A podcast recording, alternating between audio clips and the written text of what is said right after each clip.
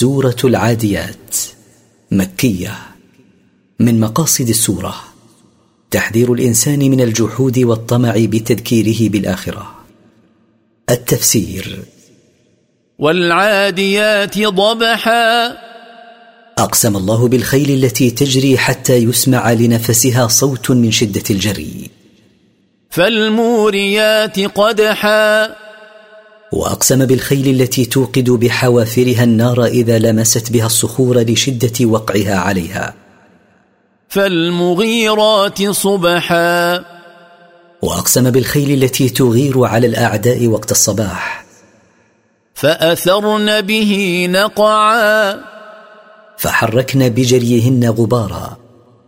فوسطن به جمعا.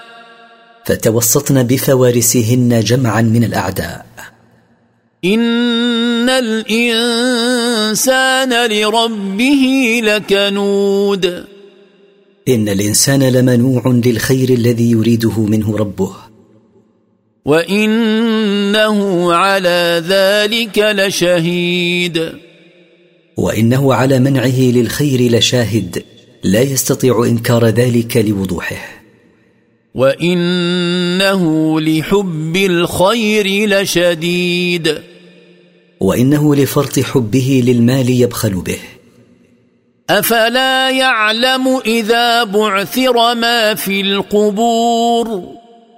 افلا يعلم هذا الانسان المغتر بالحياة الدنيا اذا بعث الله ما في القبور من الاموات واخرجهم من الأرض للحساب والجزاء ان الامر لم يكن كما كان يتوهم.